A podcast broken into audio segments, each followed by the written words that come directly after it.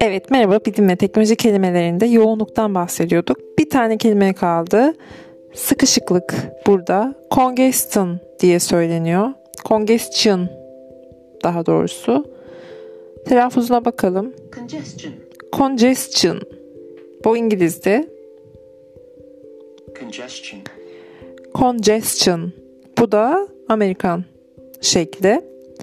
Ee, burada baktığımızda bu sıkışıklık anlamına geliyor. Traffic congestion, congestion söyleyemiyorum.